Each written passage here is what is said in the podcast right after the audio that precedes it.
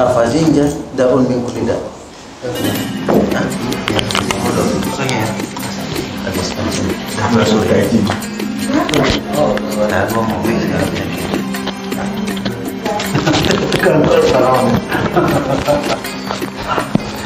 Itu tukang jual terong dulu. Biar laku terongnya kan.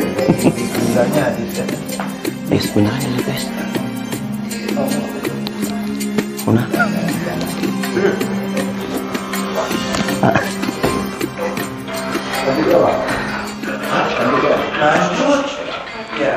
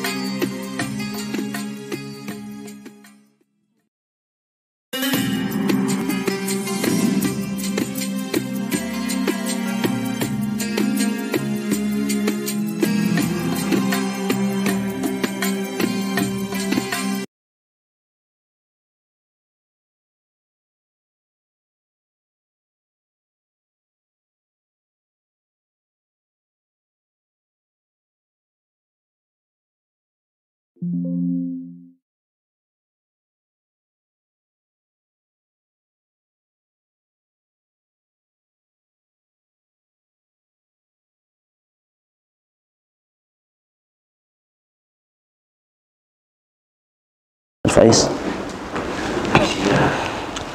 Assalamualaikum warahmatullahi wabarakatuh. Bismillah, alhamdulillah, Allahumma salli ala sayyidina Muhammad wa ala ali sayyidina Muhammad. Allahumma faqihna fid din wa alimna at-ta'wil. Amin ya rabbal alamin. Qabla bidayati hadhil jalsah, sebelum kita mulai mari kita uh, bertawajuh, bertawassul membaca surat al-Fatihah kepada baginda Nabi Muhammad sallallahu alaihi wasallam kepada para ulama, aulia, usyhada, salihin kepada guru-guru kita khususnya guru kita semua Abu Ya Maulana Al-Ustaz Dr. Ar-Razi Hashim MA semoga beliau selalu dijaga oleh Allah Subhanahu wa taala disehatkan selalu dipanjangkan usianya dan selalu membimbing kita semuanya untuk bisa sampai kepada Allah Subhanahu wa taala. Amin ya rabbal alamin dan bisa mengenal Rasulullah sallallahu alaihi wasallam. Al hadiniyah wa ala kunatin salihah. Al-Fatihah. Bismillahirrahmanirrahim. Alhamdulillahirabbil alamin. Rahmanir Rahim Maliki Yawmiddin Iyyaka na'budu wa iyyaka nasta'in Ihdinas siratal mustaqim Siratal ladzina an'amta 'alaihim ghairil maghdubi 'alaihim waladdallin amin dan mudah-mudahan setiap ilmu yang kita pelajari di ribat maupun di tempat mana pun jadi ilmu yang berkah dan manfaat dan diridhoi oleh Allah Subhanahu wa taala. Amin ya rabbal alamin. Baik. Uh, ajlisu amamakum huna, saya duduk di sini bukan untuk hendak menggurui atau bagaimana, tapi ini perintah perintah dari guru maka berat bagi kita untuk uh, berpaling dari perintah itu. Karena perintah bagian dari adab bagi seorang murid untuk diikuti. Kalau kita menyeleweng berpaling maka uh, bersiap-siaplah. Takutnya kita kena di bab persoalan adab itu. Bukan karena saya pantas ataupun layak Di depan saya ada Ustadz Faiz, ada yang lebih senior ilmunya, dan yang lain sebagainya. Di sini ada oh, apalagi Syekh Sidi Musa. Jadi ajli suhuna bimtisali wa amiri syekhina yaitu hanya karena satu motivasi yaitu ini merupakan perintah yang harus dijalankan. Tentu nawaitu bil khidmah, niatnya adalah khidmah kepada baginda Nabi Muhammad SAW, kepada agama dan kepada guru kita semua yaitu uh, Buya Dr. Ar-Razi Hashim. Baik, kita diamanahkan untuk membahas hadis-hadis palsu seputar maulid.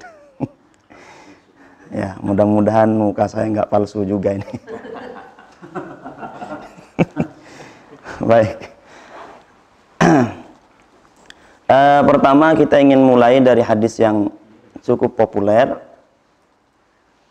Saya dengar ketika dulu di kampung, hadis ini selalu disampaikan oleh banyak asatid, banyak uh, ustadz, banyak dai, bahkan tak jarang dari sebagian kiai menyampaikannya. Hadis yang yang cukup populer yaitu tanpa sanad hadisnya, tanpa sanad. Jadi langsung qala Nabi Shallallahu Alaihi Wasallam Man 'azzama maulidi kuntu syafi'an yaumal qiyamati. Nah, itu.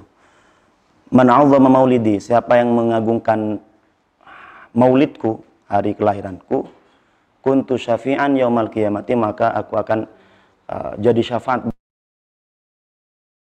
Nah, ini hadis cukup populer. Uh, dinisbatkan kepada Nabi tapi nggak disebutin sanad sanatnya Berikutnya ada penguat terhadap hadis tersebut disebutin riwayatnya dari Umar bin Al-Khattab.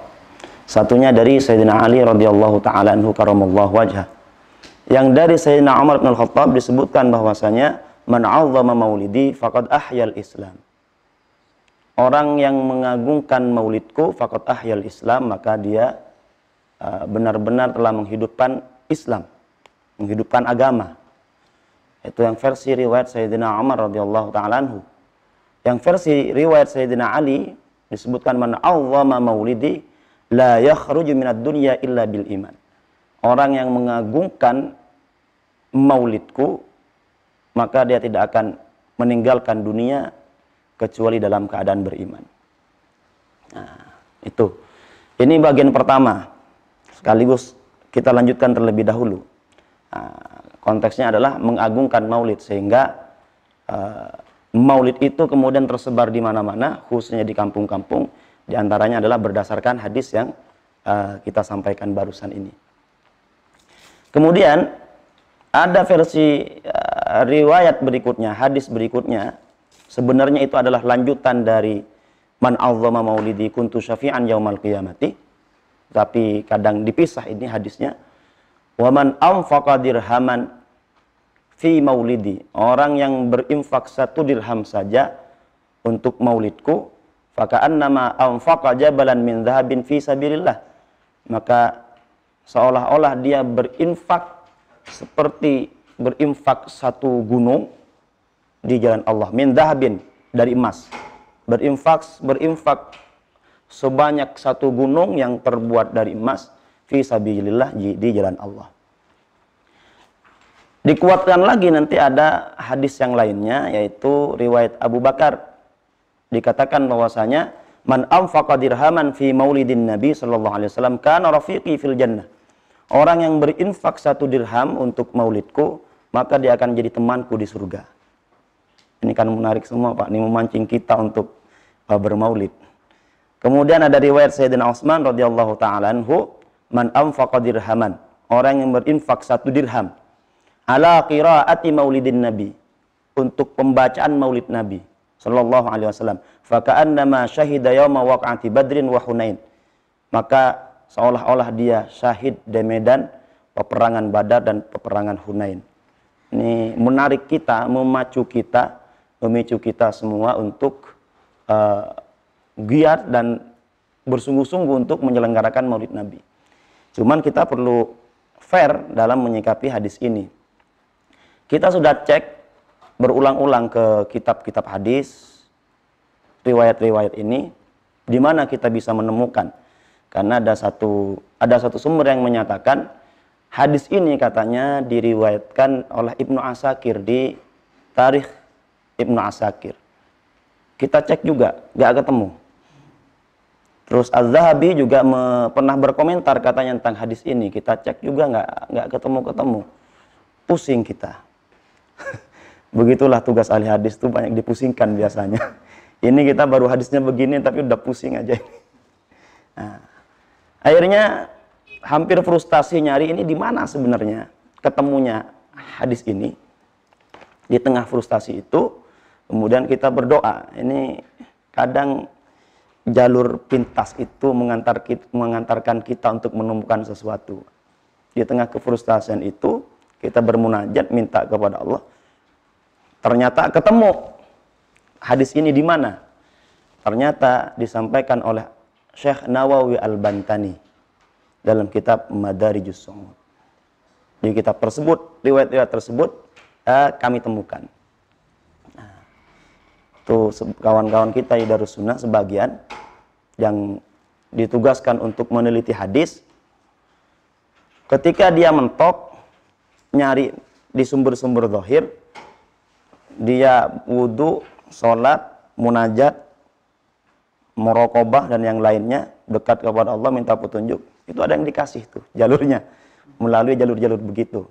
Saya kira ini ya yang jalan atau cara yang dipakai oleh Imam Al Bukhari juga Rokaan terlebih dahulu itu juga yang dilakukan oleh Imam Al Ghazali sebenarnya uh, setiap hadis yang disampaikan di Ihya Ulumuddin itu beliau sholat terlebih dahulu Sayangnya sebagian uh, saudara kita, kelompok-kelompok di sebelah sana dengan membabi buta uh, mengatakan bahwasanya eh ya itu adalah sarangnya hadis-hadis palsu. Nah, itu penelitiannya sudah ada sebenarnya. Baik. Oleh karena itu, kemudian karena kita tidak menemukan jalur sanatnya, maka kita harus hukum hadis ini dengan uh, hukum la aslalahu. Nah, tidak ada dasarnya atau versi yang lainnya nanti disebutkan la sanadalahu. Tidak ada sanatnya. Nah, begitu. Lah, kok bisa Syekh Nawawi kemudian menyampaikan hadis-hadis yang nggak berdasar? Nah, nggak ada sanatnya, nggak ada hadisnya, nggak ada referensinya dari kitab-kitab hadis. Uh, kita bisa memaklumi hal tersebut mungkin di masa beliau uh, apa namanya Indonesia itu di Indonesia kajian hadis memang sangat terbelakang dan ketinggalan. Sejak awal munculnya kajian hadis munculnya kajian hadis sampai sekarang baru sekarang nih hadis mulai naik daun dan percepatannya luar biasa. Awalnya kajian hadis kebanyakan tidak mengacu pada kitab hadis aslinya, tapi biasanya ke kitab fikih, ke kitab akidah, kitab tasawuf dan kitab yang lain-lain. Sehingga tidak heran misalnya ulama-ulama dulu itu berkaitan dengan kajian hadis uh, ada beberapa yang terlewatkan di kajian mereka sehingga yang kadang bukan hadis itu dianggap sebagai hadis. Nah, itu pertama. Yang kedua, uh, kita beristinat mengikuti pandangan Syekh Ismail Zain ketika ditanya perihal hadis yang disampaikan oleh Syekh Nawawi di antaranya hadis-hadis yang kita sebutkan barusan. Jawaban beliau cukup cukup asik cukup baik dan cukup uh, apa penuh penghormatan ke Syekh Nawawi. Kata beliau kita harus memaklumi jawaban hal tersebut karena meskipun Syekh Nawawi Al-Bantani punya interaksi yang kuat dengan hadis namun beliau sesungguhnya yang lebih menonjol dari sisi kajian fikih di samping tafsirnya Nah, maka Syekh Nawawi tidak heran kalau mengutip hadis tersebut bukan berdasarkan kapasitas pengetahuan yang sesungguhnya sebagai seorang peneliti hadis. Tetapi konteks beliau adalah seorang seorang fakih misalnya, seorang ahli fikih. Itu yang pertama. Kedua, beliau menyatakan bisa saja uh, riwayat atau teks-teks barusan itu sebenarnya adalah uh, mimpi seseorang misalnya orang mimpi ketemu Nabi, kemudian muncullah kalam-kalam tersebut. Nah, menyebar kalam-kalam tersebut, sehingga kemudian ada yang terpotong. Bahwasanya kalam-kalam ini, teks-teks ini ternyata adalah mimpi. Nah, ru'ya fil.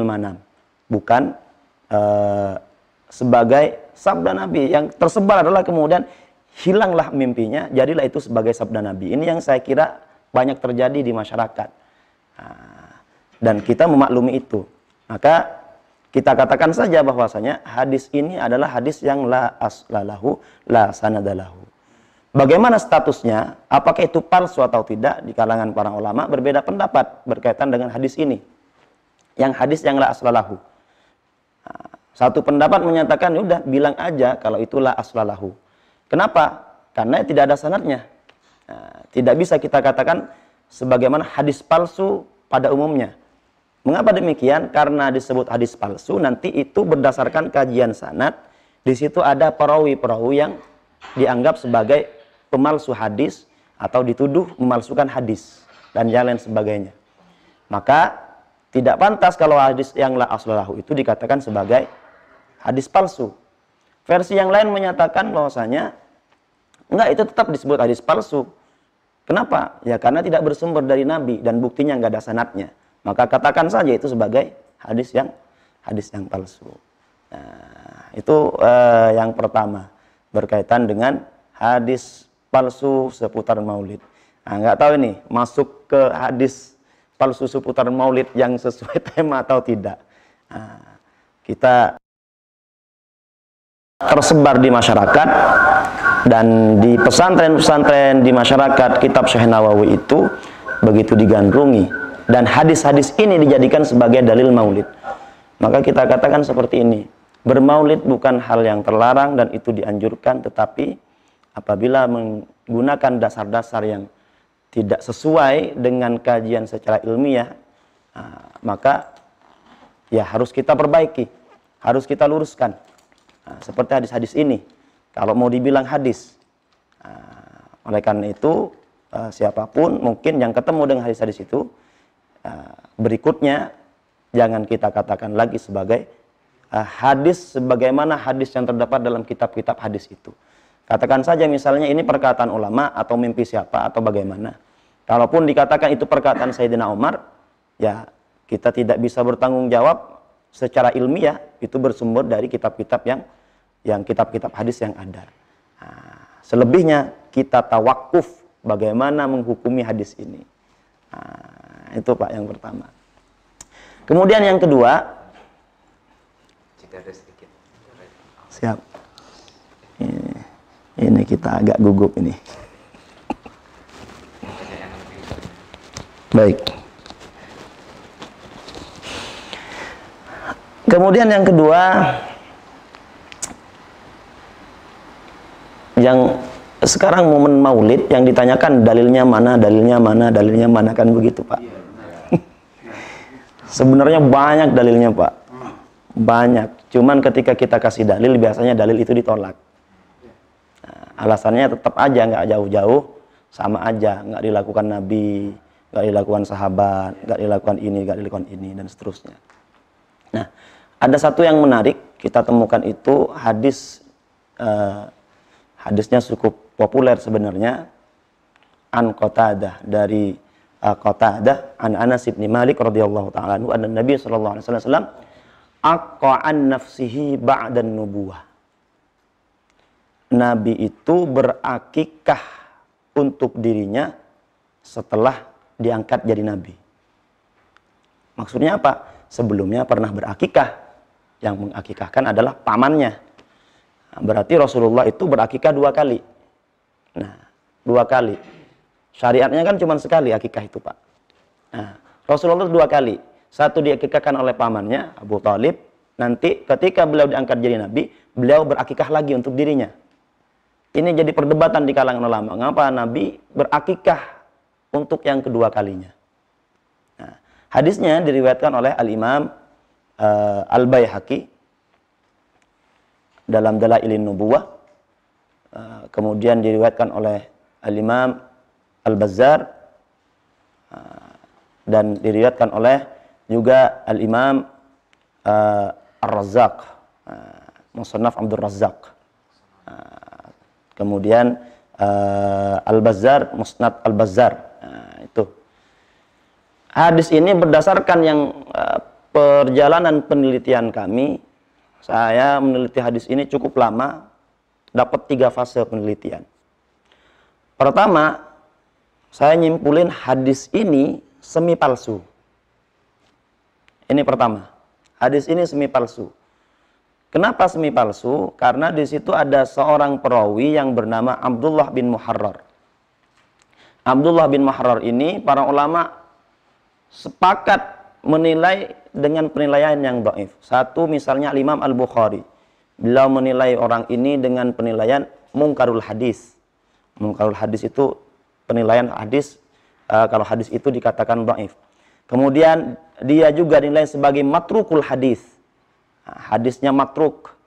Nah, ini sudah semi palsu nanti dekati semi palsu. Ada Rukutni, Abu Hatim dan yang lainnya ulama yang menilai hadis tersebut. Kemudian ada juga misalnya Yahya bin Ma'in mengatakan beliau ini sosok perawi yang dhaif. Laisa bisiqah dan yang lain sebagainya. Kita mentok Hadis ini kita hukumi pertama, hadis ini, hadis ini minimal doif. Tapi kecenderungan riwayat ini banyak yang menilai ini semi palsu. Matruk. Pusinglah kita. Serba pusing terus kita Pak.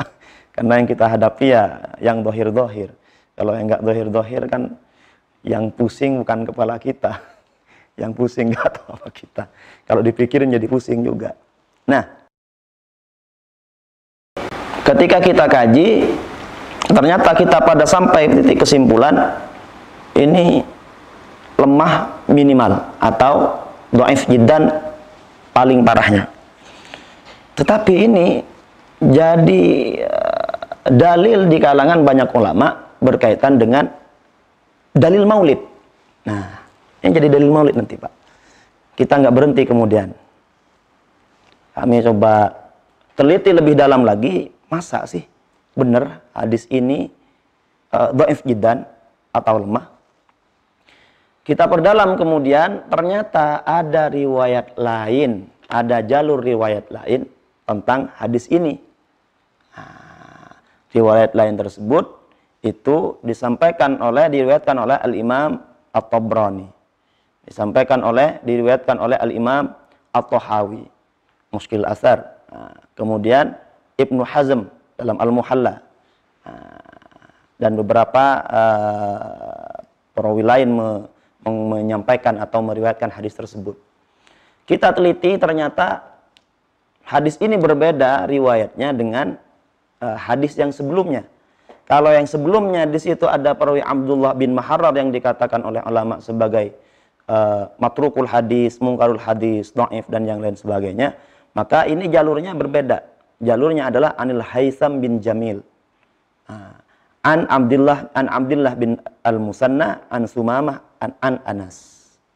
Lihat sekarang maknanya bagaimana kok bisa akon Nabi an nafsi ba'dan nubuwah itu bisa dijadikan sebagai dalil maulid.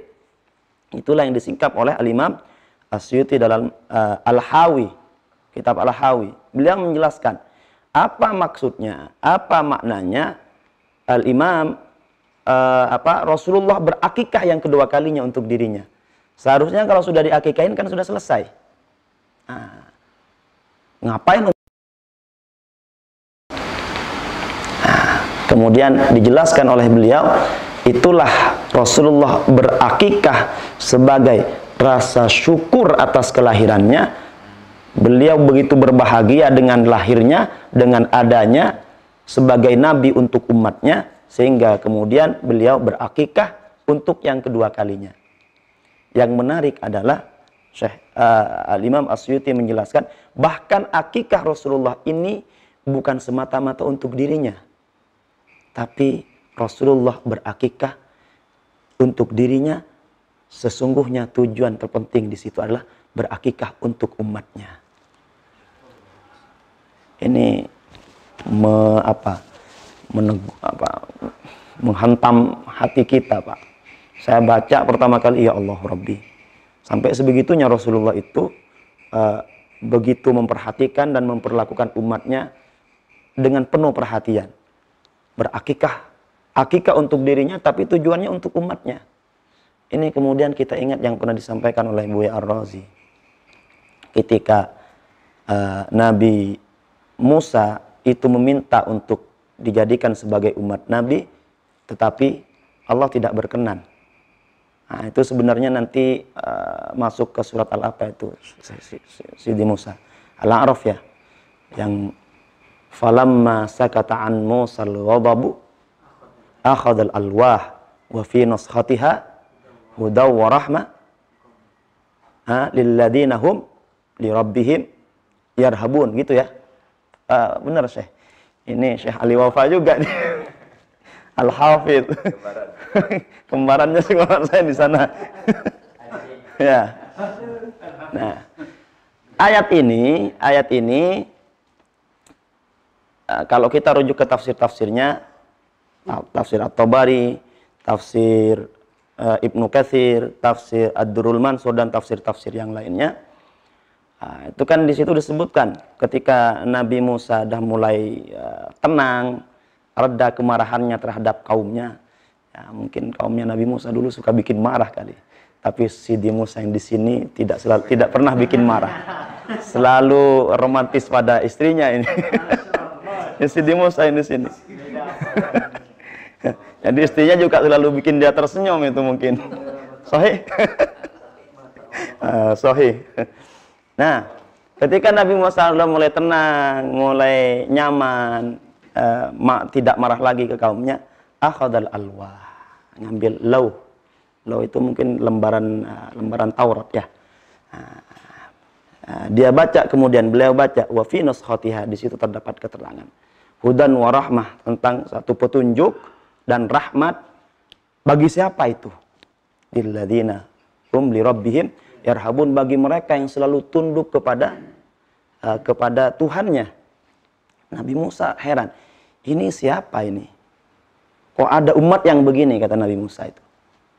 Nabi Musa pun berdialog dengan Allah. Ya Allah, jadikan ini sebagai umatku. Ha itu. Allah tolak, enggak. Itu bukan umatmu. Terus siapa? Tilka ummatu Ahmad. Wah, itu muncul Ahmad sudah dari dulu sudah ah, nama Ahmad itu sudah muncul ketika terjadi dialog itu. Terus dialognya panjang antara Allah dan Nabi Musa itu. Intinya Nabi Musa pengen supaya dijadikan umatnya.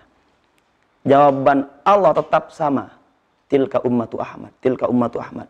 Mereka itu umatnya Ahmad. Umat Nabi Muhammad. Terus begitu. Karena nggak dapat restu untuk dijadikan sebagai umat Nabi Musa, ujungnya apa? Ya sudah ya Allah kalau begitu, ij'alni min ummati Ahmad jadikan saya sebagai umatnya Nabi Muhammad, umatnya Ahmad. Allah pun tidak memperkenankan. Nah, surat Al-Araf ya, uh, saya, ayat berapa itu? Bukan Ustadz Adi Hidayat soalnya. ya, nah dari situ kemudian uh, begitu spesialnya kita ini semua, kita nggak pernah meminta kepada Allah untuk dijadikan sebagai umat Nabi Muhammad tapi terlahir sebagai umat Nabi Muhammad.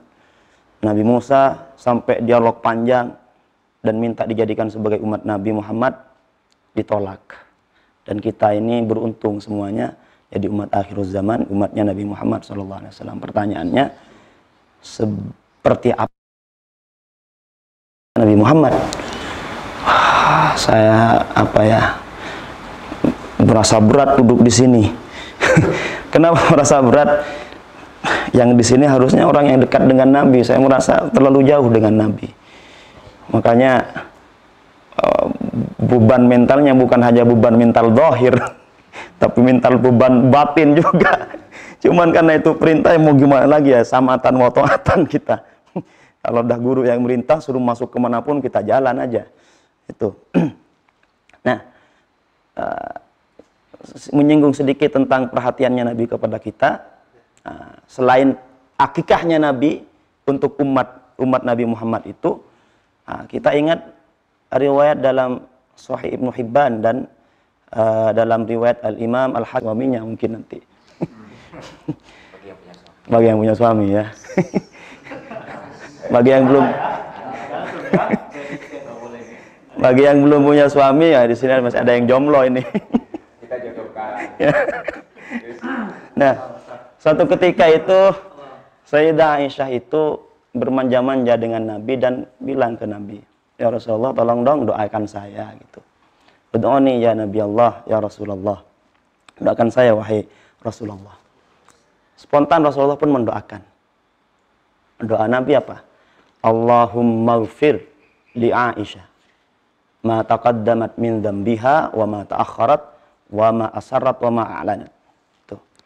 Ya Allah, ampunilah dosa Aisyah, dosanya yang sudah berlalu dan dosanya yang akan datang, dosanya yang zahir maupun yang batin, yang tampak ataupun yang tidak tampak. Kegiranganlah Sayyidah Aisyah itu senang didoakan begitu. Sampai akhirnya Rasul, uh, Sayyidah Aisyah itu merebahkan dirinya ke pangkuan Rasulullah. Wah, saking hangatnya sambil ketawa, sambil kegirangan. Rasulullah memandang dengan penuh, senyum. Karena memandang dengan penuh senyum kemudian ditanya, "Ya Aisyah, kamu bahagia?" Aisyah, "Ya tentulah Rasulullah kita bahagia. Gimana nggak bahagia?" Ah, kita didoakan begitu oleh Rasulullah. Menarik jawabannya, Pak. Apa jawaban Rasulullah? Ya Aisyah, ata'arifin, tahu nggak kamu? Ini doa saya bacakan setiap waktu sholat untuk umatku itu dahsyat Pak. Saya dengar baca hadis ini pertama kali agak gemetar, gemetar doang Pak, gak bisa sampai menghayati apa begitu perhatian ke Nabi, gemetar saat itu saja, setelah itu udah selesai aja tuh. Tuh. Rasulullah perhatiannya kita di setiap waktu sholat. Itu begitu dekatnya Rasulullah dengan dengan umatnya. Yang jauh sekalipun bagi beliau dekat. Sallallahu alaihi Muhammad itu. Nabi Muhammad itu begitu. Jadi didoakan kita doanya dimintakan ampun coba. Kalau kita boro-boro doain orang ya, doain sendiri aja kagak kayaknya. doain sendiri malas, apalagi doain orang. Tapi baginda Nabi itu gak pernah capek-capeknya, gak pernah henti-hentinya. Doain kita, doain kita terus. Cuman ini kita nih gak tahu seperti apa ini. Kita udah diperhatiin seperti ini, tapi kitanya bukan justru semakin mendekat, tapi semakin menjauh. Maka dari itu ya kita berusahalah mari bersama-sama. Kita berusaha untuk memperbanyak mempertebal salawat kita kepada baginda Nabi Muhammad SAW karena itu adalah pintu kunci untuk kemudian kita masuk bertemu dikenal bersama Rasulullah Wasallam. Nah, itu salawat uh, kepada Nabi. Nah kenapa Rasulullah kita kembali lagi ke hadis yang barusan. Kenapa Rasulullah ber akikah untuk beliau yang kedua kalinya, Al-Imam Masyuti juga kemudian menjelaskan dalam Al-Hawilil Fatawi itu, itu sebagai ucapan rasa syukur dan begitu bahagianya Rasulullah dengan maka beliau benar-benar bahagia, senang dengan hal tersebut sehingga kemudian berakikah lagi. Nah, ini juga adalah dalil dalil maulid. Tapi nanti ketika kita sampaikan dalil ini dicari-carilah nanti kesalahannya. Dicari-carilah nanti uh, enggak itu khusus bagi Rasul misalnya dan yang lain sebagainya. Nah, begitulah dan seterusnya. Nah, maka sesungguhnya dalilnya satu tapi istidlalnya yang ber, berbeda. Hadis itu itu yang enggak mereka pahami. Dan setiap apa yang datang dari mereka itu itu dianggap itulah seperti yang diajar sebuah Nabi berakikah untuk uh, dirinya yang kedua kalinya. Jadi maulid itu ada dalilnya nggak Pak berarti? Ada. Tadi dalilnya. Ibnu Taim eh siapa? Uh, Albani mengakui sebenarnya meskipun nggak jelasin kesohihan hadis saja itu saya anggap itu sebagai mengakui hadis tersebut sebagai dalil kalau Rasulullah itu bahagia, senang dengan ucapan rasa syukurnya belum nanti diperkuat oleh al-Imam uh, Asyuti dalam Al-Hawi lil Fatawi. Nah, silahkan mungkin nanti bisa dicek di situ. Nah, Oke. Okay. Kemudian yang ketiga, ini ketiga kita berubah konteks biar nggak palsu-palsu terus. Nah, nanti muka saya tambah palsu. nah, yang ketiga sekaligus jadi yang terakhir ini. nah, yang ketiga itu kita ingin berbicara tentang uh, kisah yang cukup populer sebenarnya. Kisah yang cukup populer itu ada dalam riwayat Imam Al-Bukhari di Sahih Bukhari. Kisah ketika Abu Lahab memerdekakan siapa? Uh, memerdekakan Suwaibah. Memerdekakan Suwaibah karena Suwaibah ini nanti yang menyampaikan kabar tentang kelahirannya Nabi kepada Abu Lahab sehingga Abu Lahab senang, bahagia dengan hal tersebut dan Suwaibah kemudian dimerdekakan. Nah, itu hadisnya agak panjang, nanti di ujungnya itu uh, disebutkan qala Urwah. Nah, qala Urwah. Wa Suwaibah maulatun li Abi Lahab. Urwah berkata, Suwaibah itu adalah budaknya Abu Lahab. Wa kana Abu Lahab a'taqaha fa arda'atin Nabi sallallahu alaihi wasallam. Nanti Abu Lahab kemudian memerdekakan Suwaibah dan Suwaibah kemudian menyusui uh, Nabi. Nah, ketika Nabi dilahirkan nanti. Falamma mata ketika kemudian nanti Abu Lahab meninggal, uriyahu ba'du ahlihi bisyirri haibatin. Nah, kemudian uh, Abu Lahab itu diperlihatkan uh, dalam mimpinya kepada sebagian ke keluarganya tentang keadaannya yang uh, tidak nyaman di alam sana. Uh, keadaannya yang dalam keadaan buruk di alam sana dan yang lain sebagainya. Qala lahu madza laqita? Apa yang kau temukan di sana? Abu Lahab. Abu Lahab menjawab lam al kaba'dakum ghaira anni sukitu fi hadhihi bi'itaqati suwaibah. Uh, saya ini Ya, ya seperti yang kalian lihat nih sepeninggal kalian. Saya kayak begini keadaannya di sini.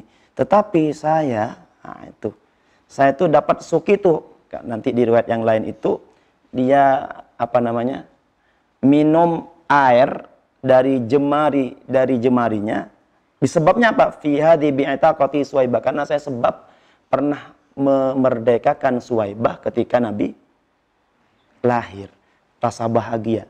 Nah, ini selalu diangkat oleh sebagian uh, ulama, oleh sebagian asatid tentang ini dalil maulid. Al-Imam Al-Bukhari menukil uh, penjelasan ini di kitab sahihnya. Dua kali beliau. Di bab nikah dan di bab nafkah, nafakot. Dua kali. Nah. Hadis ini kalau dikaji berdasarkan kajian ilmu hadis, hadis ini mursal Sebagaimana Ibnu Hajar misalnya menyebutkan di sini secara sorry. Ah, apa kata beliau? Wa ujibu awalan bi annal khabar mursalu arsalahu arwah walam yadhkur man haddatsahu bihi. Ini mursal. Urwah ini uh, hadis ini adalah hadis mursal. Kata Ibnu Hajar. Tetapi meski demikian, meskipun Ibnu Hajar berkata demikian, bukan berarti Ibnu Hajar hendak menolak hadis ini. Ibnu Hajar bukan hendak menolak hadis ini. Kenapa? Pertama, sebelum masuk ke sana, kelompok sana itu menganggap hadis ini mursal tidak bisa dijadikan sebagai dalil. Satu. Kedua, ru'ya fil manam tentang mimpi.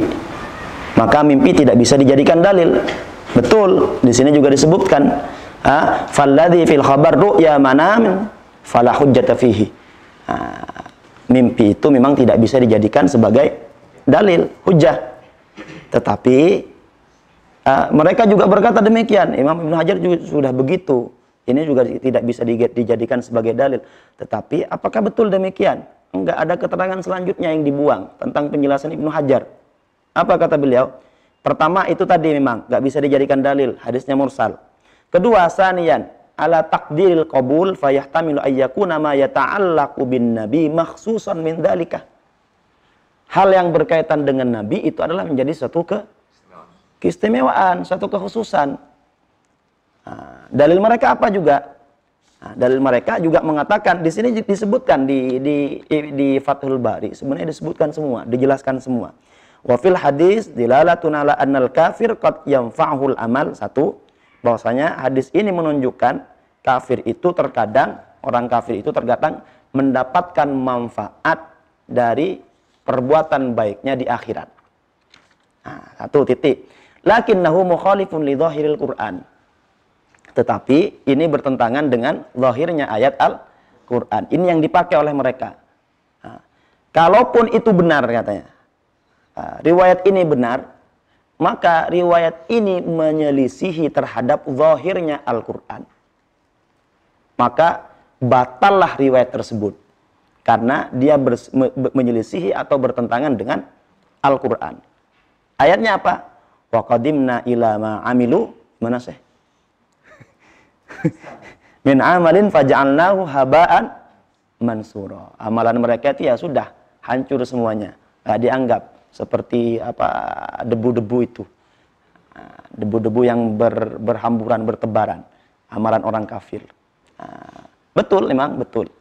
Cuman dalam bab ini, ini Ibnu Hajar bilang di sini sebenarnya sayangnya ini dibuang dibilang uh, bertentangan dengan Al-Quran, gak disebutin tentang uh, kalau Ibnu Hajar itu mengutip penjelasan di sini bahwasanya yahtamilu ayyakuna ma yata'allaqu bin nabi uh, mahsusan min dalika. Ditambahin lagi setelahnya bidalili qissati Abi Talibin. Dalilnya mana? Nah, kan mintanya dalil. Dalilnya mana? Dalilnya adalah kisah tentang Abu Talib Abu Talib kama taqaddama. Ada penjelasan sebelumnya berarti. Annahu huffifa anhu fanokila minal ghamarat ila dhahdah. Bahwasanya Abu Talib itu diringankan dosanya. Diringankan dosanya dan Abu Talib itu dipindahkan minal ghamarat dari sur neraka yang terdalam dari kerak neraka ila dhahdah ke permukaan neraka. Kenapa? Karena dulunya Abu Talib itu suka bantu Nabi, suka membela Nabi kan begitu ketika semasa hidupnya.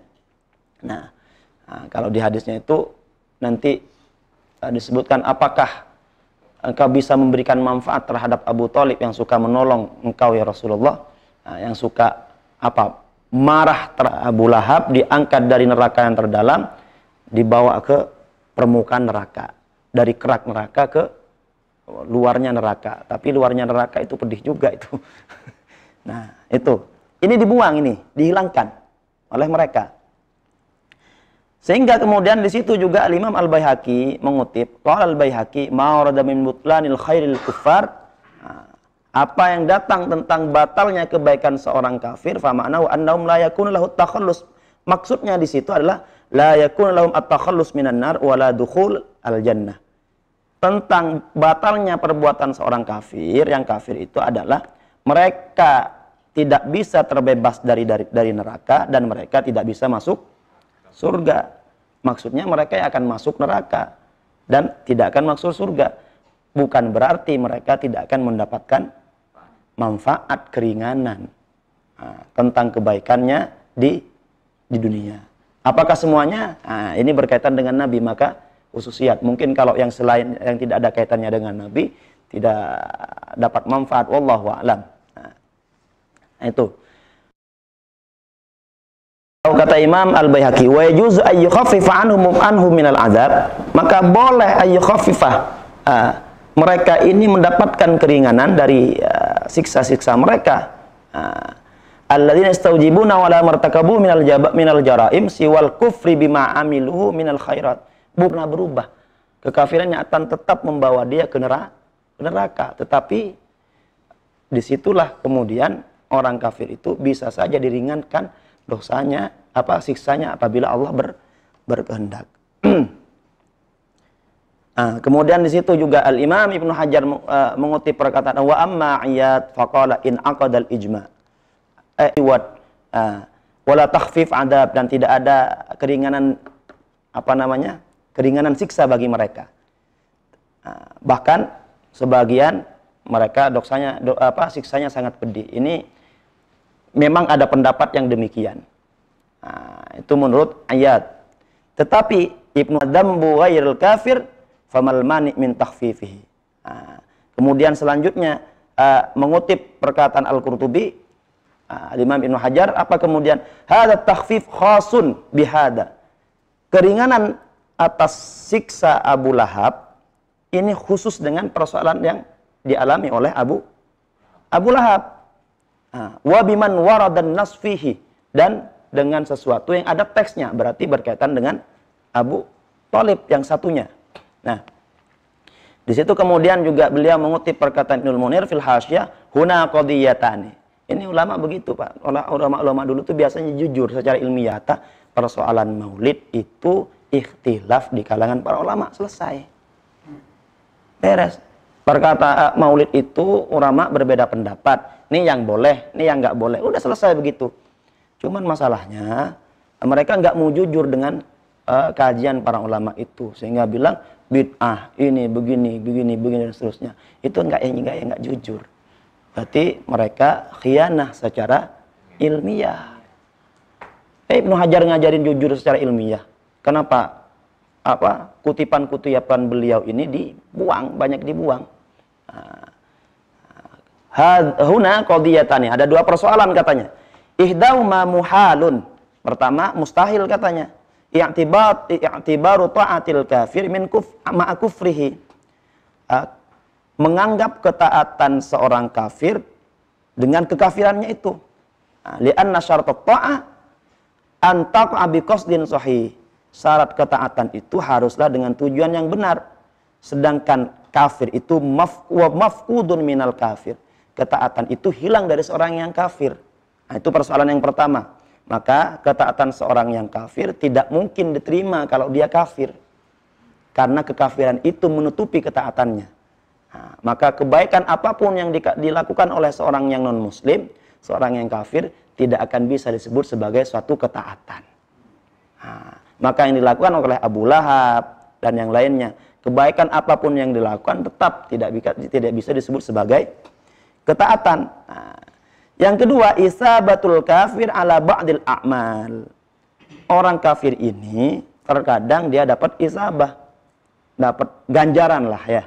Nah, dapat ganjaran terhadap kebaikan dia ala ba'dil a'mal terhadap sebagian perbuatan-perbuatannya. Tafaddulan minallah. Sebagai anugerah, sebagai rahmat sebagai sebagai fadl dari Allah Subhanahu wa taala. Wa hadza la yuhirul aql. Ini tidak mustahil bagi akal. Fa idza takarrara dzalika lam yakun atqa Abi Lahab li Suwaibah qurbatun mu'tabarah wa yuzu ayyatafaddalallahu bima Allah itu semaunya apa kata Allah untuk memberikan memberikan fadl bima sya'ah kama tafaddala ala Abi Talib sebagaimana Allah juga memberikan anugerah fadl rahmatnya kepada Abu Talib dengan diringankan atau diangkat dari kerak neraka ke permukaan neraka. Nah, kemudian di akhirnya Ibnu Hajar berkata ini, perkataan Ibnu Hajar. Kultu. Kalau memang mereka mau fair ya tentang uh, riwayat ini. Karena mereka meng mengarahkan soal Ibnu Hajar menolak riwayat ini. Kultu ayyaqat tafaddul al-madhkur ikraman sebagai bentuk takrim. Apa namanya? Bahasanya. Pemuliaan nah, liman waqa'a minal kafir albir lahu. Terhadap kebaikan seorang kafir yang pernah dilakukan. Karena kebaikannya bukan kepada orang seperti kita. Kebaikannya kepada baginda Nabi Muhammad Shallallahu Alaihi Wasallam. Sesuatu yang spesial. Bahagianya ditampakkan bukan kepada bukan kepada orang seperti kita yang banyak dosa, tapi ditampakkan, diwujudkan, diperlihatkan kepada baginda Nabi Muhammad sallallahu alaihi wasallam. Ini satu, Pak. Kemudian yang kedua, bagaimana sebenarnya berkaitan dengan uh, riwayat ini? Nah, kita punya kaidah, Pak, sebenarnya. Imam Al-Bukhari itu beliau statusnya sebagai apa dalam ulama hadis? Amirul Mukminin ya. Amirul Mukminin fil hadis. Amirul Mukminin fil hadis itu dia di atas hafid. Hafid itu hafal berapa? 100 100 ribu hadis, Pak. Nah, hafiz minimal hafal 100 ribu hadis. Sanad dan wa matnan, jarhan wa ta'dilan. Sanad dan matannya dan jarah wa ta'dilnya. Tahu semua. 100 ribu hadis. Beliau juga di atas hujjah Hujah itu berapa saya Musa? 300 ribu ya. 300 ribu hadis. Itu hujah. Disebut hujah karena mereka hafal 300 ribu hadis. Sama. Sanat, matan, dan uh, jarah wa ta'dil perawinya. Di atas hakim. Hakim itu dia berapa hakim? 5 ribu atau berapa itu? 500 ribu atau berapa? Saya lupa juga. Nah, itu Imam Al-Bukhari. Pertanyaannya, ngapain Imam Al-Bukhari nukil riwayat tersebut di kitab sohihnya? Punya pertanyaan besar. Kalau ternyata apa yang dinukil itu nggak ada manfaatnya. Apa yang Imam Al-Bukhari nukil riwayat Urwah ini kalau mau disebut mursal-mursal Urwah di dalam Sahih Bukhari. Kalau itu gak ada manfaatnya, dua kali lagi. Nah, itu satu. Maka kata Sayyid Muhammad Alwi Al-Malik Al-Hasani, Naklul Bukhari itu cukup untuk menyatakan bahwasanya ini diterima hadisnya. Penukilan Imam Al-Bukhari terhadap diterima meskipun mursal. Satu. Yang kedua, Ternyata yang mengakui dan menerima tentang riwayat ini bukan cuma bukan cuma Imam Al-Bukhari, tetapi banyak hafid-hafid setelahnya.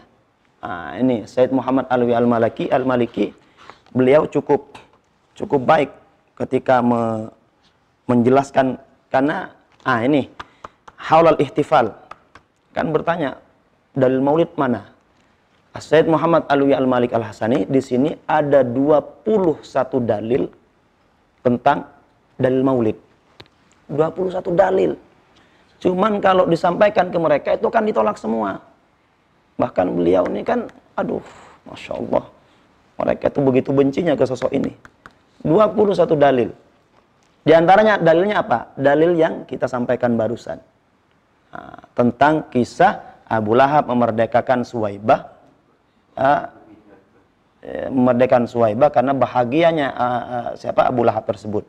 Nah, sampai kemudian Al-Hafidh, nah ini Al-Hafidh, Syamsuddin Muhammad Nasiruddin Ad-Dimashqi menjadikan riwayat tersebut dalam satu syair yang bunyi yang bunyinya Idza kana hadza kafiran ja'a dhammuhu bitabbat yadahu fil jahimi mukhallada. Kalau orang kafir ini saja yang celaannya, makiannya disebutkan dalam Al-Quran dengan tabbat yadahu fil jahimi mukhallada, dia kekal abadi di neraka. Ata annahu fi yaumil isnaini daiman. Dia setiap hari Senin, yukhaffafu anhu lisururi bi ahmada. Dia diringankan siksanya karena bahagia dengan lahirnya Ahmad. Bahagia dengan lahirnya Nabi Muhammad. Ata annahu fi yaumil uh, famadhanna bil abdil tula umri bagaimana dengan seorang hamba yang sepanjang hidupnya bi ahmad masruron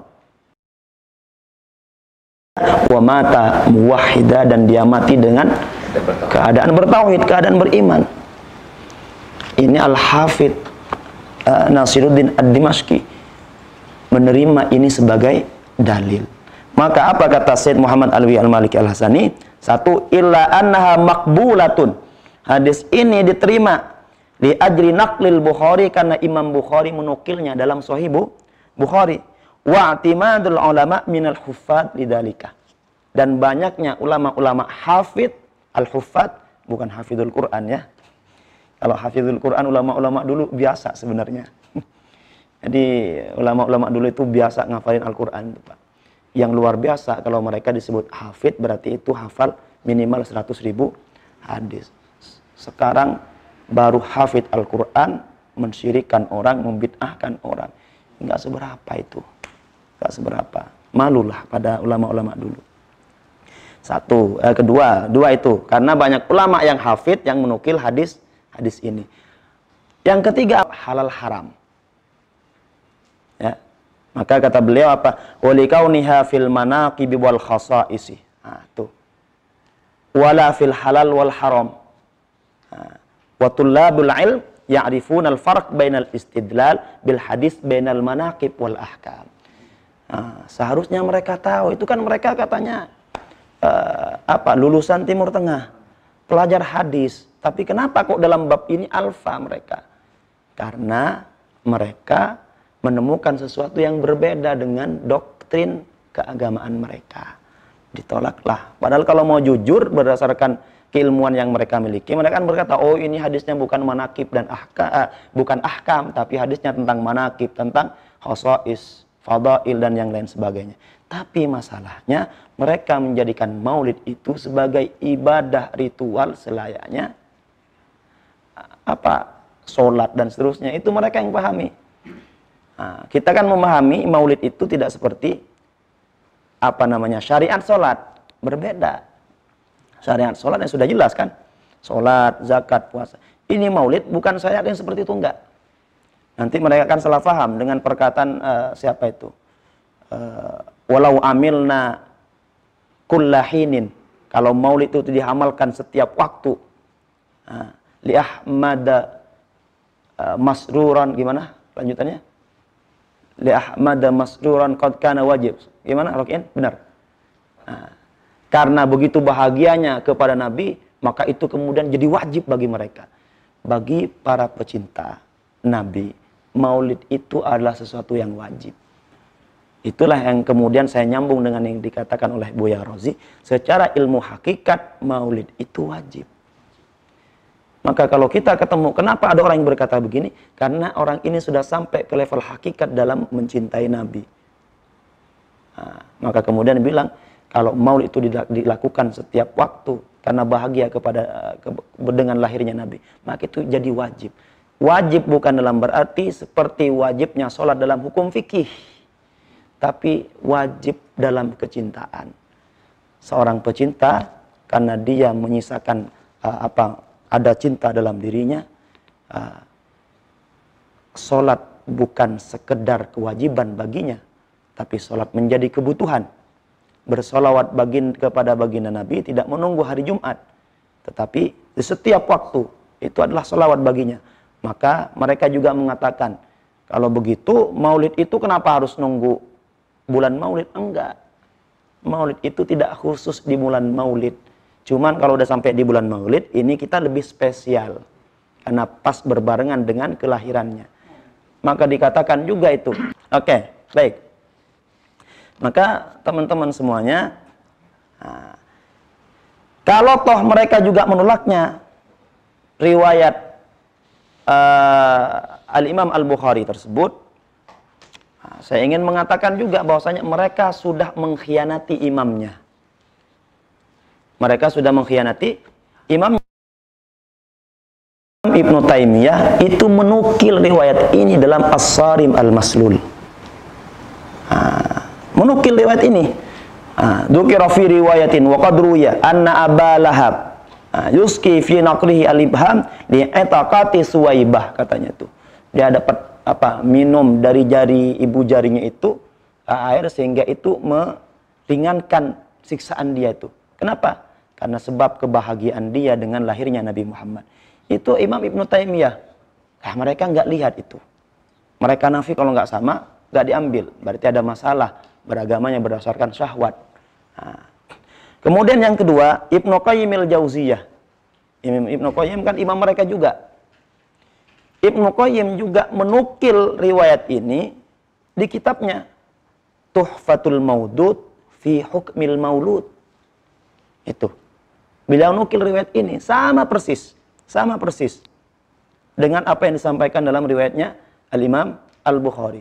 Tapi mereka nggak mau membaca itu nggak mau melihat itu. Kenapa? Karena sudah terkadung uh, kotor dan terkadung benci dengan mereka pecinta Nabi. Maka saya biasanya selalu bilang begini, seandainya mereka mau membuka hijab mereka, nah, bisa hijab-hijab, udah biasa hijab-hijab. seandainya mereka mau membuka hijab mereka tentang maulid itu, mereka akan menjadi orang yang lebih cinta daripada kita sesungguhnya. Kalau mau membuka hijabnya. Cuman bagaimana caranya mereka membuka hijab? Benci ke Nabi itu kan semakin dijauhkan dari Nabi kan begitu. Hati-hati itu sebenarnya. Saya takut khawatirnya begini. Ketidaksukaan mereka terhadap maulid kemudian menyebabkan kebencian dalam dalam diri mereka sehingga itu yang menyebabkan mereka jadi kualat tuh. nggak terlalu terhijab dari Nabi, terhijab dari Nabi. Maka apa pun sesuatu yang muncul dari kita itu merendahkan Nabi, menurunkan Nabi, pasti ada timbal balik dari perbuatannya. Pasti, saya yakin itu. Nah ini Nabi loh. Ah, Rasulullah aja bilang man adali waliyan faqad adantuhu bil harbi. Walinya saja disakiti, maka Allah sendiri yang akan memerangi dia. Bagaimana kalau Nabi? Sayyidul Aulia.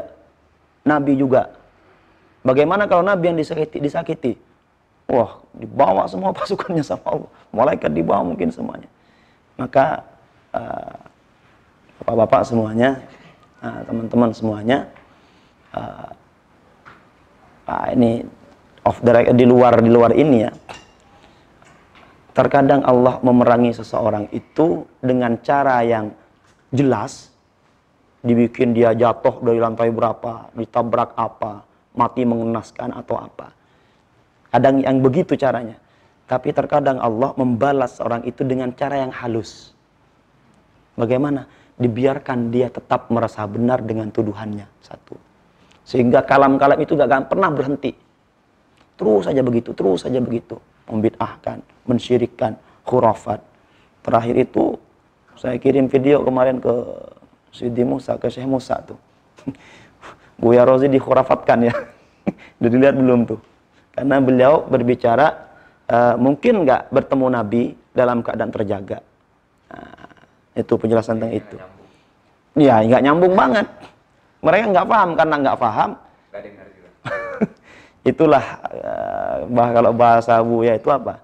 Kejahilan yang terstruktur itu nggak bisa untuk tapi menilai sesuatu seperti dia tahu tahu tuh itu kejahilan terstruktur beda dengan nggak tahu tapi punya anggapan dia tahu aduh itu berat itu. Nggak bakal tobat-tobat itu. Nah itulah yang terjadi kepada sebagian diri ya, memerangi orang tersebut. Orang tersebut dimurtadkan. Nah untuk ada yang begitu. Ada yang begitu. Kalam-kalamnya menghina Nabi dan seterusnya terusnya terusnya. Nyakitin Nabi. Nah, ada yang begitu, ada nggak Pak? Ada. Perbuatan-perbuatan yang dapat menyakiti wali-wali Allah Subhanahu wa taala, menyakiti Rasul dan yang lain sebagainya. Dan mudah-mudahan kita semua diridhoi oleh Allah uh, sebagai hambanya dan nanti kelak kita juga diakui sebagai umat Nabi Muhammad Sallallahu Alaihi Wasallam. Sekiranya itu yang bisa disampaikan berat ini sebenarnya untuk berada di sini apalagi duduk di sini cuman nggak tahu kita nggak bisa berkata-kata uh, kecuali rasa khidmah dan perintah dari guru maka kita jalankan itu. Kalau enggak mungkin saya juga nggak hadir pada sore ini. Gitu kurang lebih. Kalau nggak ada perintah mungkin. Mungkin saya termasuk yang nggak hadir mungkin. Ya. Kurang lebih itu yang bisa disampaikan. Kalau ada pertanyaan, monggo dipersilahkan. Kalau bisa saya jawab, kalau nggak bisa, nanti biar Sidi Musa yang bantuin. oh gitu. Ya, kalau nggak ada ya Alhamdulillah kita. Pertanyaannya selalu soal diskusi. Gimana?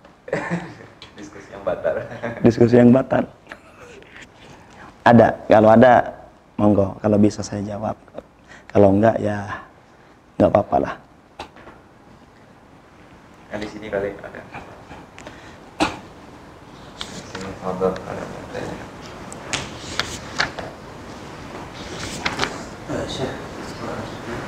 Oh, fadal. Iya, Donald. Punya anak pernah banyak di Amerika. Pertanyaannya banyak anak kayak. Pertanyaannya dari Amerika. Terima kasih atas kesempatan yang diberikan. Nah, tadi Syekh tadi mengawali kajian kita dengan al-ahadith wal mawdu hadis-hadis palsu ya di antaranya tentang maulid man azama maulidi kuntu syafi'an lahu yawmal qiyamah yang kedua man anfaqa dirhaman fi maulidin nabi nah sini nggak tercatat lagi nggak tahu rasa sambungannya hmm. itu dan di dalam kitab Durratun Nasihin hmm. memang juga sering Ya. mengkampan- mengkampanyekan kalam-kalam ini. Kita waktu itu meyakini bahwa ini hadis Rasulullah, hadis Nabi SAW. Hadis kita nggak tahu itu apakah sahih, hasan, dhaif nggak tahu atau maudhu atau enggak. Yang penting ini hadis Nabi mengatakan Barang siapa yang membesarkan peringatan maulid Nabi SAW Dia akan mendapatkan syafaat nanti di hari kiamat Nanti waktu di kampung dulu Sering itu Dan apakah karena kita sudah perkataan seperti itu Mengatasnamakan Nabi seperti ini ternyata ini hadis La aslalah Wala sanalah Sa- sanadalahu, ya. Itu istilah Syekh di wafat kan gitu Bukan istilah saya itu, istilah ulama itu. Istilah ulama ya, Ya. ya. yang disampaikan oleh guru ya, Syekh Muhammad. Nah, bagaimana kira-kira yang setelah kita sampaikan seperti itu, apakah kita kualat atau bagaimana?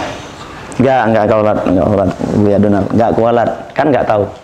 Ya, Syekh Nawawi saja yang itu sudah tercetak dalam kitab, Syekh Ismail Zain Al-Yamani saja memaklumi.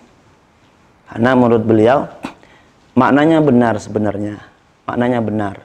Orang yang mengagungkan Nabi, eh, kelahiran Nabi, ya tentu dia akan dapat syafaat dari Nabi. Tapi harus ditunjukkan juga bukan hanya sekedar mengagungkan.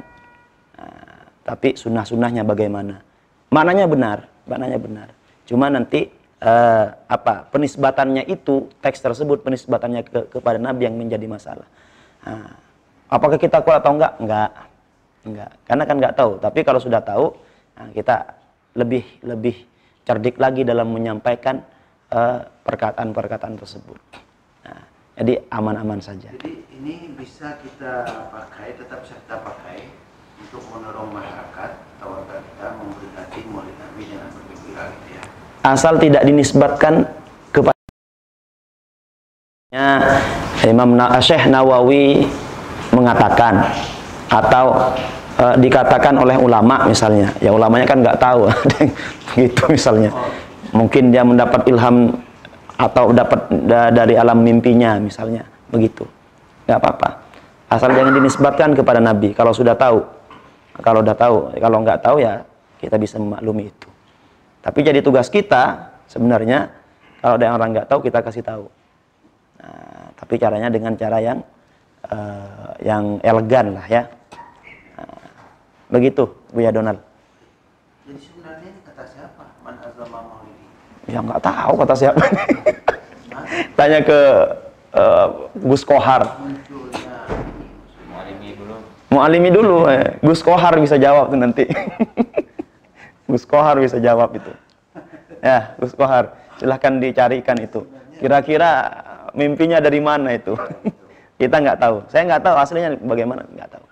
seperti eh, man arafa nafsahu faqad arafa rabbah kan itu Ya. kan hadis hadis manama juga itu hadis manami kata dia kalau salah gitu ya bukan hadis riwayat dari Rasulullah kalau salah tangkap namanya itu nah, itu kan dari ini dari mimpi Ya. mimpi kata beliau kan gitu Mm-mm. nah ini apakah hadis mimpi juga kira-kira Pastinya kita nggak menemukan itu.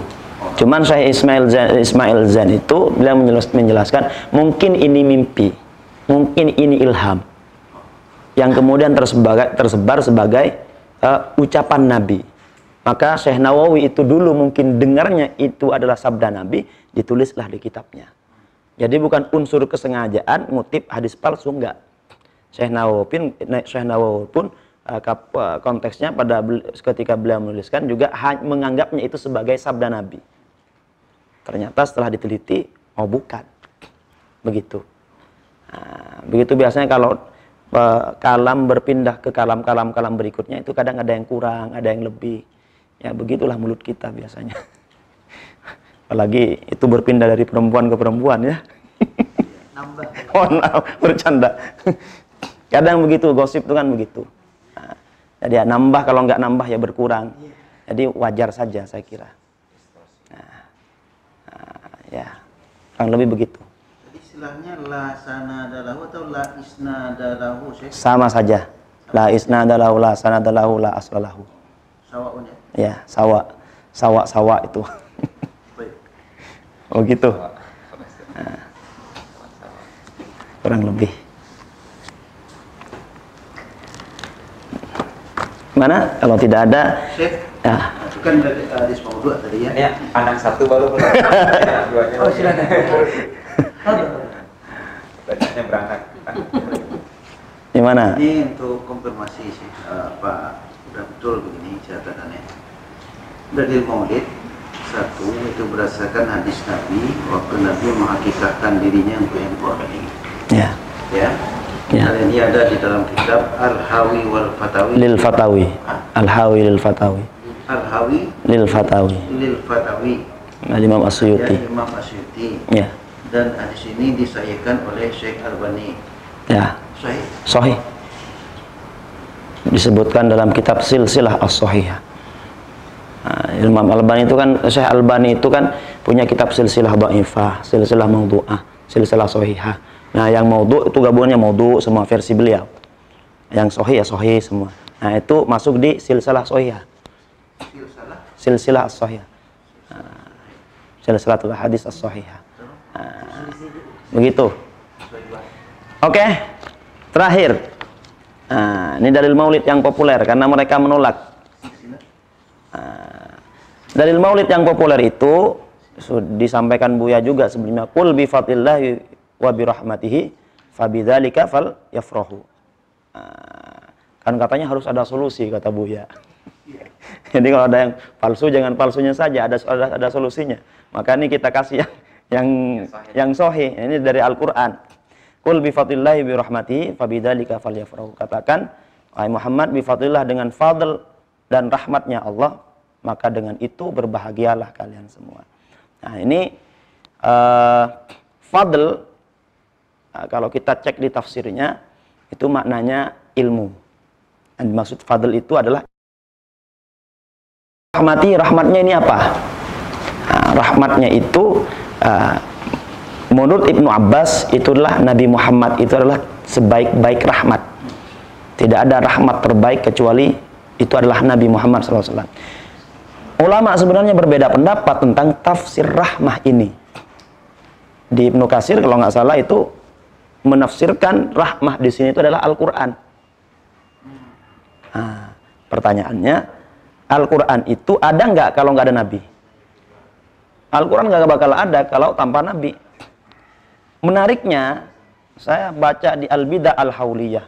Nah, mungkin saya Musa pernah ketemu tuh. Kitab Al-Bidah Al-Hauliyah, karya Abdul Aziz At-Tuwaijiri itu. Ketika me- menafsirkan kul bi fadlillahi bi rahmatihi itu yang dikutip itu fadl itu ilmu, rahmat itu Al-Qur'an. Jadi bukan nabi katanya. Ah, padahal ada ayat yang bilang wa ma arsalnaka illa rahmatan lil alamin. Itu ya Allah Rabbi saya heran kenapa kok bisa begitu. Karena begitu nggak sukanya mereka tutup-tutupi. Ibnu Abbas padahal di tafsir di beliau menjelaskan rahmah itu adalah nabi. Itu rahmat terbaik. Tapi ditutup-tutupi Al-Qur'an. Ya betul memang tafsirnya Ibnu Katsir Al-Qur'an. Tapi pertanyaannya, Al-Quran itu ada nggak kalau nggak ada Nabi? Al-Quran kan mukjizatnya Nabi. Nah, itulah mereka kemudian eh, nggak tahu itu heran kita itu dengan cara berpikir mereka itu. Ya intinya lah begitu. Maka kita nggak usah takut dengan beramaliyah maulid maulid Nabi itu. Dalilnya udah banyak sangat banyak. Nah, udah kuat semua dalilnya. Nah, hanyalah orang-orang yang eh, terhijab hatinya dari Nabi, mereka yang menolak maulid yang menolak maulid Nabi. Itu kurang lebih. Saya kira itu saja yang bisa disampaikan uh, semuanya. Oh, ada lagi nih. Gimana, Pak Dokter? dengan apa itu ada satu ayat Al-Quran tapi bukan langsung berhubungan dengan Rasulullah jadi tentang Nabi Isa. Salamun alaihim um, yauma wulid wa yauma amut eh, wa yauma yamutu wa yauma yub'atsu hayya. Hayya, ya. Jadi selamat lah. Jadi ada Allah sendiri mengucapkan selamat kepada Nabi Isa pada saat dia dilahirkan, Betul, ya. pada saat dia Ya. matinya, kepada dia dibangkitkan. Artinya Allah sendiri mengucapkan selamat hari lahir itu ya. selamat hari lahir. Itu artinya eh, memberikan selamat hari lahir ataupun eh, apa namanya merayakan itu kan. Ya, betul. Betul. Kemudian yang yang eh, apa namanya tentang berpuasa hari Senin itu Iya, betul, eh, betul. juga termasuk ya. Apakah Itu dalilnya juga. Ah, ketika Nabi ditanya tentang eh, mengapa beliau berpuasa di hari Senin, beliau menjawab, "Zaka yaumun wulidtu fihi." Ah, itu di hari itu aku dilahirkan. Itu karena Nabi begitu senangnya dengan hari kelahiran beliau. Ada juga nanti yang pernah disinggung eh, Abu Ya Razi itu di antaranya adalah ketika Rasulullah sampai di Madinah di 10 Muharram ah, mendapati orang-orang Yahudi berpuasa berpuasa. Ditanya kamu ngapain? Kita berpuasa berpuasa Asyura. Kenapa berpuasa Asyura? Karena di hari itu di hari ini Nabi Musa diselamatkan. Ah, oh kalau begitu nahnu aula bi Musa minkum. Saya ini lebih berhak lebih saya lebih utama untuk berpuasa dibanding kalian. Nah, itu kata Nabi Muhammad. Nah menguatkan yang disampaikan tadi oleh Pak Dokter tentang ah, salamun. Gimana itu? Ya ya maulid tuh wa yauma uba'atsu hayya gitu ya. Nah, ini tukilan Said Muhammad Ali Al-Maliki Al-Hasani terhadap perkataan Ibnu Taimiyah. Fil maulid yaqul qad yusabu ba'dun nas.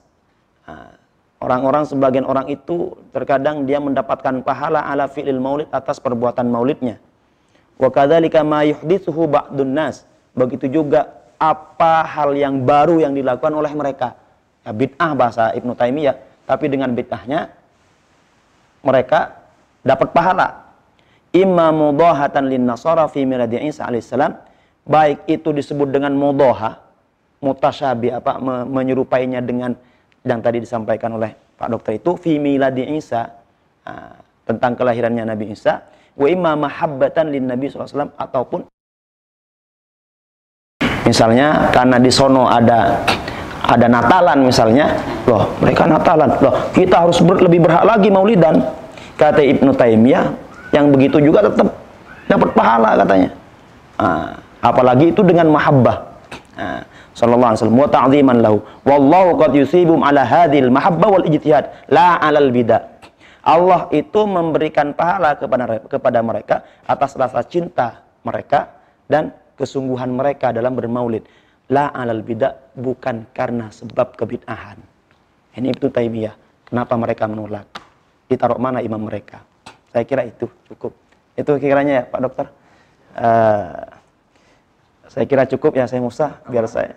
Oh tambahan mantap. menyambung menyambung Biar saya nggak kejang-kejang juga nih Pak. nggak menyambung dari hari kelahiran Nabi Rasulullah masyarakat puasa sehingga jadi puasa sunat di kita sekarang. Nah, bagaimana dengan kita ini? Kita juga mensyukuri kelahiran kita kepada Allah dalam melaksanakan puasa juga. Nah, apa ada di bisa hari lahir ya. Ya, di sebagian tarikat, cuman saya nggak tahu ya itu tarikat apa. Itu ada yang mengasap, mengamalkan puasa hari kelahiran kita. Ah, di tarikat apa? Mungkin saya mau saya tahu. Ada sebagian tarikat itu yang saya tahu, itu ada yang mengamalkan puasa untuk hari kelahiran. Dan itu boleh, Pak. Itu boleh. Nah, karena ngik, gimana? Iya, yaumul milad. Misalnya saya lahir, lahir hari Senin dulu, maka saya puasa tiap hari Senin. Itu boleh. Boleh. Secara fikih boleh. Nah, ya. Di tarekat itu bahkan sebagian ada yang nanti keadaan-keadaan tertentu itu ngamalin itu. Saya pernah diskusi dengan salah seorang seorang eh, torikot dan gurunya itu merintahin dia nanti kamu puasa hari lahir ya. Nah, cuman saya nggak tahu nih, mungkin Gus Kohar tahu ini mungkin. Saya nggak tahu itu. Nah. Oh pengamalnya ya? Allahu Akbar. Ya begitu Pak. Ya, soalnya kita tapi kan belum, tahu persisnya ayatnya apa. Itu hadisnya. Dzaka yaumun wulidtu fihi. Itu. Jadi niatnya kecintaan ngikutin Nabi udah itu jadi sunnah.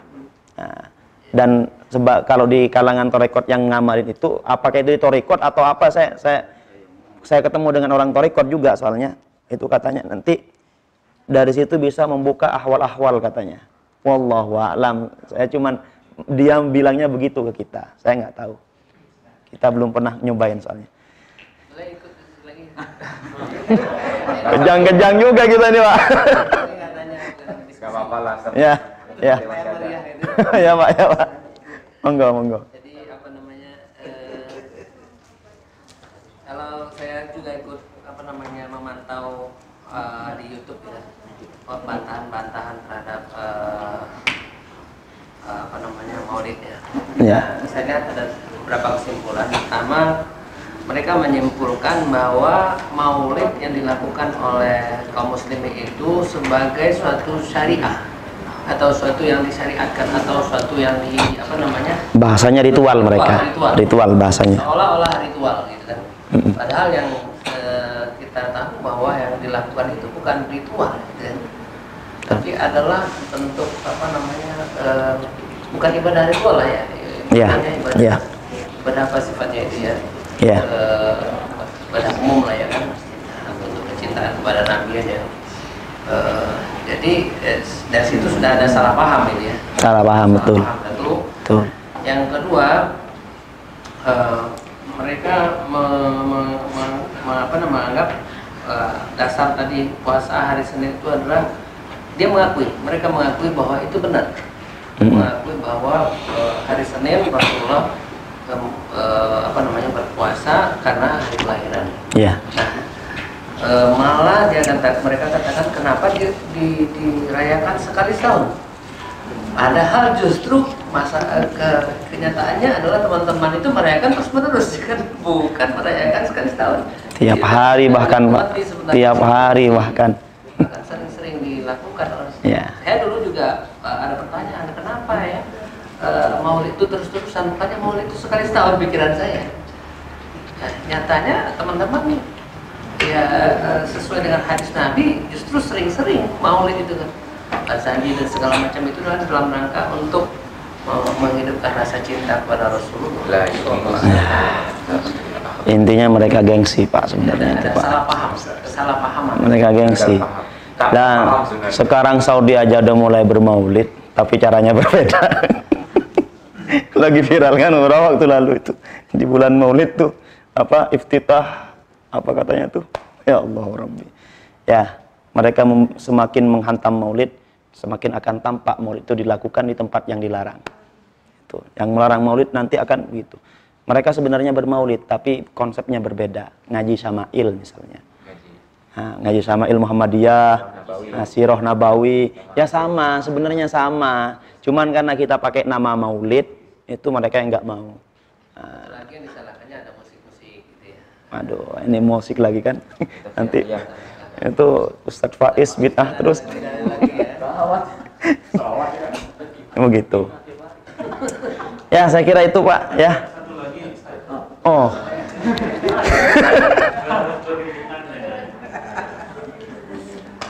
Eh, yang ada juga yang sedikit lebih toleran ya. Artinya Mm, mm.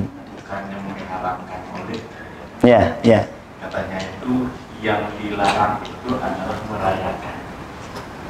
Artinya kalau memperingati ya boleh-boleh saja. Sebab yang namanya merayakan itu raya itu Aidun, Aid, Aid. Aid hanya ada dua, Idul Fitri dan Idul Adha gitu ya. Artinya di sana itu kalau seandainya berpuasa Waalaikumsalam. saja untuk berjanji boleh-boleh saja atau Ya. eh, sekedar membaca sirah silakan tapi kebanyakan yang terjadi di sana ada makan-makan bahkan yang seperti bilang ada musik-musik ada kasidahan Ya, betul. yang begitu yang mereka garis bawahi bahkan di sebagian katakanlah eh, desain grafis pun dicoret tuh. Selamat merayakannya dicoret nggak boleh tapi memperingati boleh gitu. Nah begitu Kalau begitu ya masih mending ya toleransi begitu. Yang parah, yang parah itu kenapa Maulid ditolak? Karena yang dibacakan bukan solawat kata mereka. Jadi mereka punya konsep begini tentang solawat itu. Pertama harus yang disebut solawat itu harus sama dengan teks Nabi itu satu. Itu mereka nerima itu solawat tuh. Kalau yang selain itu tidak bisa di- disebut solawat. Kalau disebut solawat berarti itu bid'ah. Lah terus disebut apa? Ya sebutnya itu pujian katanya. ada di, di Facebook kita ngikutin perdebatannya itu, nah gimana ceritanya? Ditunjukkanlah kemudian di teksnya Imam Ash-Syafi'i di awal risalah itu, Imam Ash-Syafi'i bikin salawat sendiri. Salawat yang itu kulama dzakarahudz dzakirun yang begitu tuh. Wa ghafala an dzikril ghafilun, an dzikril ghafilun. Yang begitu di awal risalah itu dia menyebutnya itu bukan salawat, itu pujian. ya Allah Rabbi.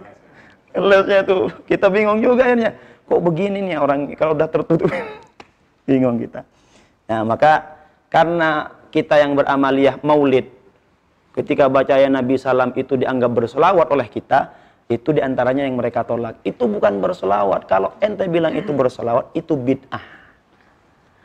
Kalau ente bilang pujian itu kita bila bisa nerimanya. Aduh ya Allah Rabbi. Ya, ya sudahlah. Gimana terserah mereka aja lah. Ya. Kalau hari raya tadi kan kalau bahasa Indonesia-nya hari raya merayakan, tapi bahasa Arabnya ihtifal bukan id kan. Iya. Ihtifal kayak tadi. Ihtifal. Nah, ini ihtifal nih. Bukan Awal ihtifal. Bukan id. Ya harusnya haflah. Betul. Ya sama haflatut takharruj kan. Wisuda. Ya ini wisuda. boleh wisuda boleh. Tapi haflah untuk Nabi nggak boleh. Gimana ceritanya itu? Ya. Saya kira itu. Ini udah saya Faiz ya. Saya kira itu ya Pak. Saya mohon maaf ini bukan maksud untuk mendak menggurui di depan saya banyak yang eh, kapasitas keilmuannya melebihi saya. Ada Sidi Musa, ada Ustadz Rokiin, ada Al Hafid di depan sana itu. Ada Gus Kohar dan eh, di sini juga ada Ustadzah Novi dan yang lain sebagainya. Maka eh, mudah-mudahan ini anggaplah sebagai apa ya? eh, saling berbagi lah ya yang pernah kita eh, pelajari bukan untuk menggurui tapi pada intinya ya kita al khidmah li sunnah khidmah lid din khidmah li hadal makan wa khidmah li syekhina Abuya Maulana Dr. Ustadz Ar-Razi Hashim itu kurang lebihnya mohon maaf kalau ada yang salah Nah, kalau ada yang benar itu Allah semua yang bimbing dan mungkin karena didoakan juga oleh guru kita. Wallahu a'lam kita nggak tahu. Nah, makanya berat ini kita di sini. Saya kira cukup itu saja yang bisa disampaikan. Wallahul muwaffiq ila ma. Assalamualaikum warahmatullahi wabarakatuh.